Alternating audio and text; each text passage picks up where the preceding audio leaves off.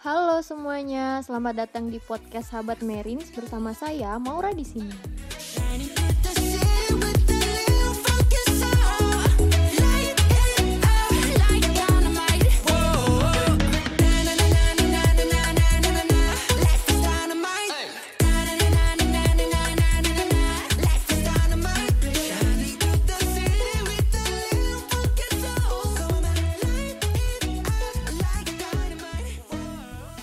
Nah, di podcast perdana kita kali ini, saya sudah kedatangan tamu spesial nih, yaitu seorang Ketua Umum HMIK 2020-2021, yaitu Bang Rizky. Langsung saja kita sapa.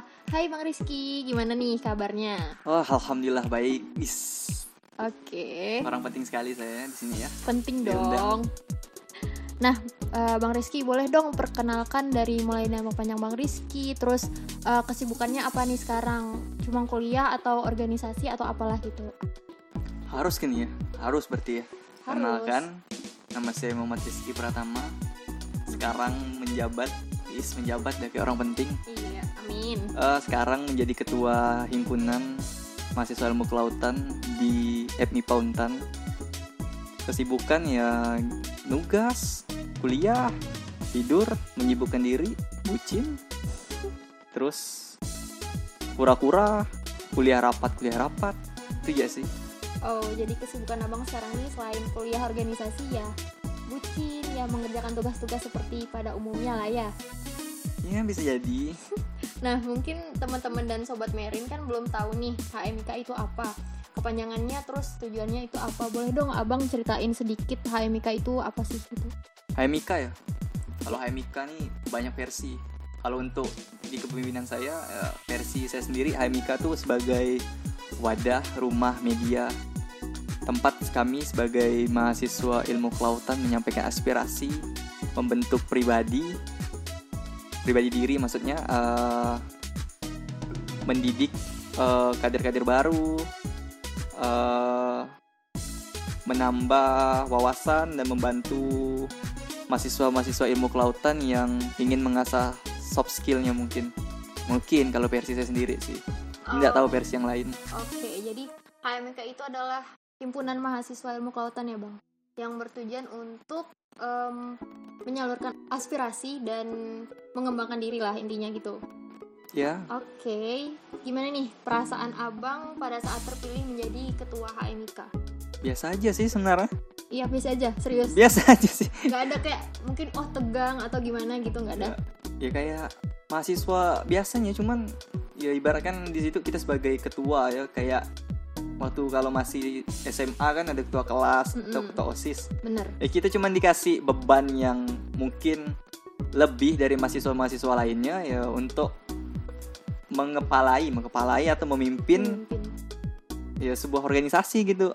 Ngomong-ngomong ini pertama kalinya atau udah pernah menjadi ketua gitu sebelumnya buat abang? Kok jadi ketua ya? Pertama kali sih SD jadi ketua kelas. SD berlanjut SMP di beberapa kelas. Terus lanjut ke SMA itu jadi ketua kelas juga. Jadi wakil ketua OSIS dan ya paling menjabat sebagai kepala-kepala divisi di pramuka atau sebagainya gitu. Ya setidaknya adalah pengalaman menjadi ketua gitu lah kan. Nah bang, seperti yang saya tahu sendiri kan nih biasanya setiap himpunan itu mempunyai program-program. Nah apakah ada program-program yang menjadi ikonik di Hamika? Icon ya? Ya.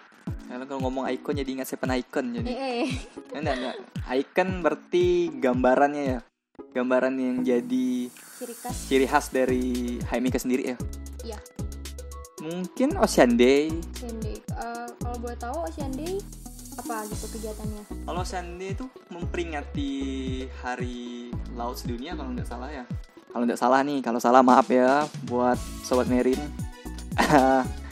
ya kalau dari mahasiswa ilmu kelautan sendiri sih memperingatinya tuh dengan ya ngadain seminar-seminar kayak kuliah umum ngadain lomba waktu itu dan juga rencana juga ada ke, mau turun ke jalan gitu kayak buat parade atau cuman mungkin belum kesampaian. gitu ya. mungkin aksi.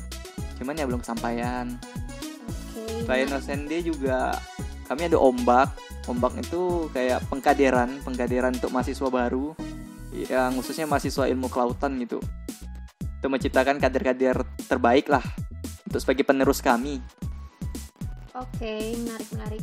Em, nah, bang, di setiap himpunan kan biasanya ada bidang-bidang gitu kan, atau eh, divisi-divisi divisi gitu. Boleh nggak sih abang sebutin apa aja yang ada di HMIK itu divisi-divisinya? divisi ya Iya.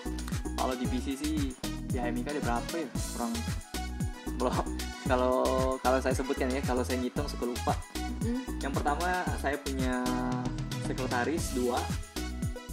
Dua sekretaris cewek ya lumayan lah sebagai permasyuri kalau dalam kerajaan. Nah itu intermezzo ya Iya, mentang-mentang nih.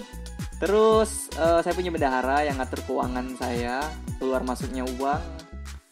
Biar ndak ada yang menyalahgunakan dana. Terus saya punya divisi akademik sebagai penyokong dan pembantu kawan-kawan mahasiswa ilmu kelautan FIPA Untan di dalam bidang akademiknya terus saya punya PSDM yaitu pengem- pengembangan sumber daya mahasiswa itu berfokus pada menciptakan kader-kader terbaik, menciptakan eh, mahasiswa-mahasiswa terbaik yang bakal bisa melanjutkan estafet keorganisasian ini sih sebenarnya. Oke. Terus ada mikat, minat dan bakat sebagai penampung dan untuk mengasah lah skill-skill kawan-kawan mahasiswa ilmu kelautan yang awalnya punya bakat terus di perkuliahan mau mau disalurkan ke mana lagi nih bakat-bakat kami nih. Takutnya kan sia-sia kalau kita punya bakat dalam olahraga musik dan lain sebagainya ya ke mikat lah biar mikat yang mengarahkan biar mikat yang melatihnya gitu. Terus kami ada infocom informasi dan komunikasi sebagai eh, tampilan luarnya HMIK karena berkat infocom lah HMIK itu bisa dapat dikenal dari mereka men-share segala bentuk kegiatan yang telah kami kerjakan. Terus meng- membuat sosial media tuh hidup dan lebih berwarna gitu infocom terus kami ada kewirausahaan kewirausahaan sendiri ya salah satu sumber eh, dana dari HMIK kami mencari uang itu dengan jualan kayak jualan gelang baju kaos terus beberapa produk-produk yang kami jual seperti token listrik, pulsa dan lain sebagainya tuh dari KWU sendiri. Mungkin ada tujuh, kan? Tujuh. ada tujuh ya. Berarti ada tujuh atau delapan gitu lah ya bang. Sekretarisnya ada dua yaitu sekretaris sama wakil sekretaris ada bendahara ada PSDM ada akademik ada mikat ada infocom ada KWU jadi ada delapan ya bang? Nah, segitu lah. oke. Soal matematika saya nggak terlalu bagus soalnya. maklum. Udah umur. Nah sekarang kan pandemik nih bang terus gimana sudut pandang abang terhadap program-program yang terdampak terdampak akibat pandemik ini Sudut pandang. Aduh, dari perspektif saya ya, kalau pandemi gini ya kita sama-sama susah sih. iya Mau kuliah susah, mau keluar juga susah, cari uang juga susah dan saya lihat kawan-kawan juga kesulitan dari ekonomi, kesulitan dalam kuliah daring. Ya mau gimana lagi? Mungkin dari beberapa orang banyak yang berpikir bahwa ini tantangan di era sekarang. Sebenarnya ini bukan tantangan nih, ini cobaan. Ini Bener cobaan. juga. Cobaan hidup di era sekarang. Kalau kita bisa melewati ini semua ya kita bakal terbiasa dengan hal-hal seperti ini. Tapi kemungkinan hal seperti ini bakal berakhir sih. Kalau Amin. dalam saya memimpin HMIK karena ini salah satu kondisi yang cukup membuat saya kayak wow kok pas saya memimpin kok ini Kondisinya. kondisinya ndak kayak yang lain bisa offline bisa bebas ke mana ke mana-mana. Saya hanya bisa ngadain kegiatan hanya online online. Entah berin berimpact ke depannya atau enggak eh, saya ndak tahu sih. Cuman ya mau gimana lagi ya harus dijalanin lah. Kalau mau nunggu pandemi ini selesai ya, ya bakal lama bakal habis gitu masa jabatan. Jadi ya sama-sama lah buat sobat-sobat Merin khususnya di ilmu kelautan bantulah saya dalam menjalankan HMIK nih. Support lah karena kita tahu sama-sama susah nih di tengah pandemi ini. Iya. Oke? Ya karena susah juga kan mengadakan kegiatan uh, bertatap muka atau offline di era pandemik ini nih. Padahal kan enaknya emang kita kegiatan tuh offline kan kayak ber bertatap muka secara langsung kuliah juga enaknya uh, ketemu langsung gitu kan. Tapi kan memang situasi sedang begini kan sedang pandemik jadinya mau nggak mau kita tuh harus sama-sama beradaptasi lah dengan situasi sekarang dan mematuhi peraturan yang ada. Oke okay, bang. Abang kan menjabat sebagai ketua nih di HMIK sudah lumayan lama gitu kan sekitar beberapa bulan. Gimana ada nggak suka duka gitu menjadi ketua HMIK suka duka ya untuk di di kepengurusan saya dari awal saya terpilih sampai sekarang untuk detik ini ya suka dukanya itu susah. Susah dalam mengumpulkan masa dalam satu tempat karena masing-masing dari mereka kan pada jauh-jauhan. Ada yang di Medan ada yang di Singkawang Bengkayang dan banyak daerah-daerah yang mungkin saya kurang tahu mungkin ya atau saya lupa. Banyak. Saya mendatangkan mereka offline aja susah sebenarnya. ya, karena biaya mereka jauh. Ya mau tidak mau solusinya meet. Ya kami ngadain rapat ya pakai meet. Terus juga kami mau ngadain kegiatan yang telah kami konsepkan sebelumnya. Waktu kami masih jadi jadi pengurus pun sebagai sebagai istilah sebagai staff tuh udah kami rancang bahwa ke depannya bakal gini kalau di zaman kepemimpinan kami. Ternyata ya rencana kami dipatahkan sama kondisi sekarang yang awalnya kami pengen buat suatu gebrakan baru tahu taunya ya benar-benar dibuatkan kondisi baru gini. Putar kepala dan mutar ide gitu. Gimana nih? Gimana biar bisa jalan kegiatan ini? Kalau kita ngadain ini dampaknya gimana nih? Kalau kita ngadain gini juga gimana nih respon yang lain? Jadi kayak masih coba-coba dan juga masih uh, takut gitu. Karena resikonya besar kalau kondisi saat ini contoh kalau kita mau ngadain suatu kegiatan offline di kegiatan ini.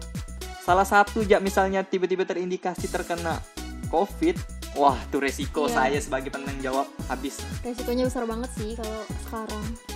Ya gimana juga kalau kalau ada yang mau sama-sama nanggung resikonya ayo sih sama-sama kita buat kegiatan offline.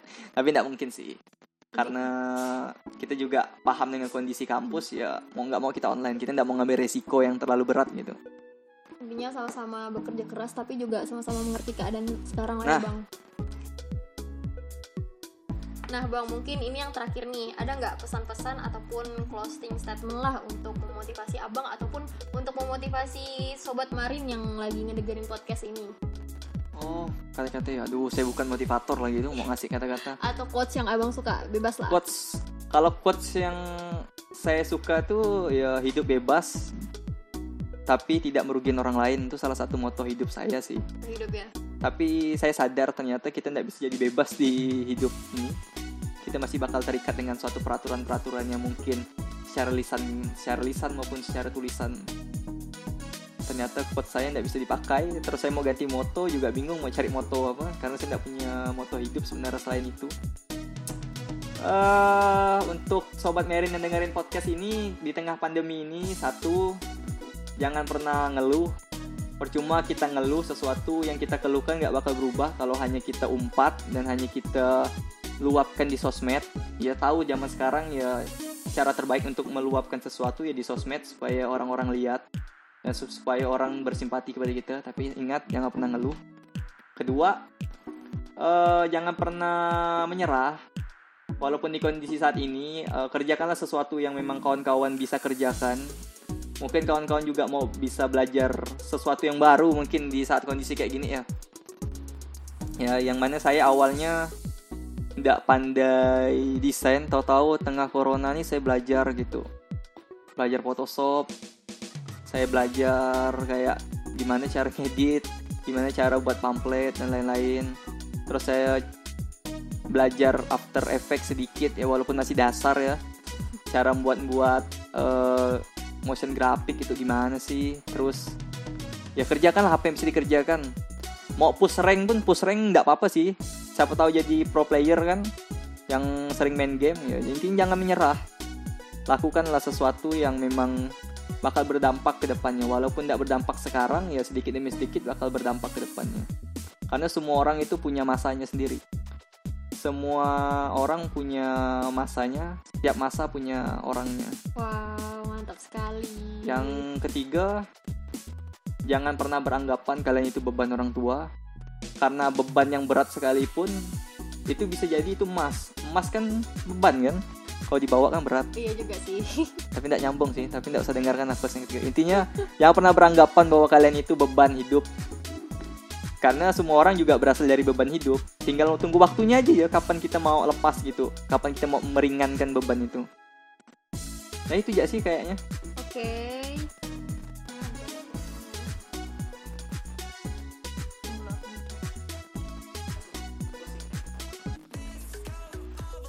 Oke, okay, thank you so much Bang Rizky. Terima kasih sudah menyempatkan hadir di acara podcast ini.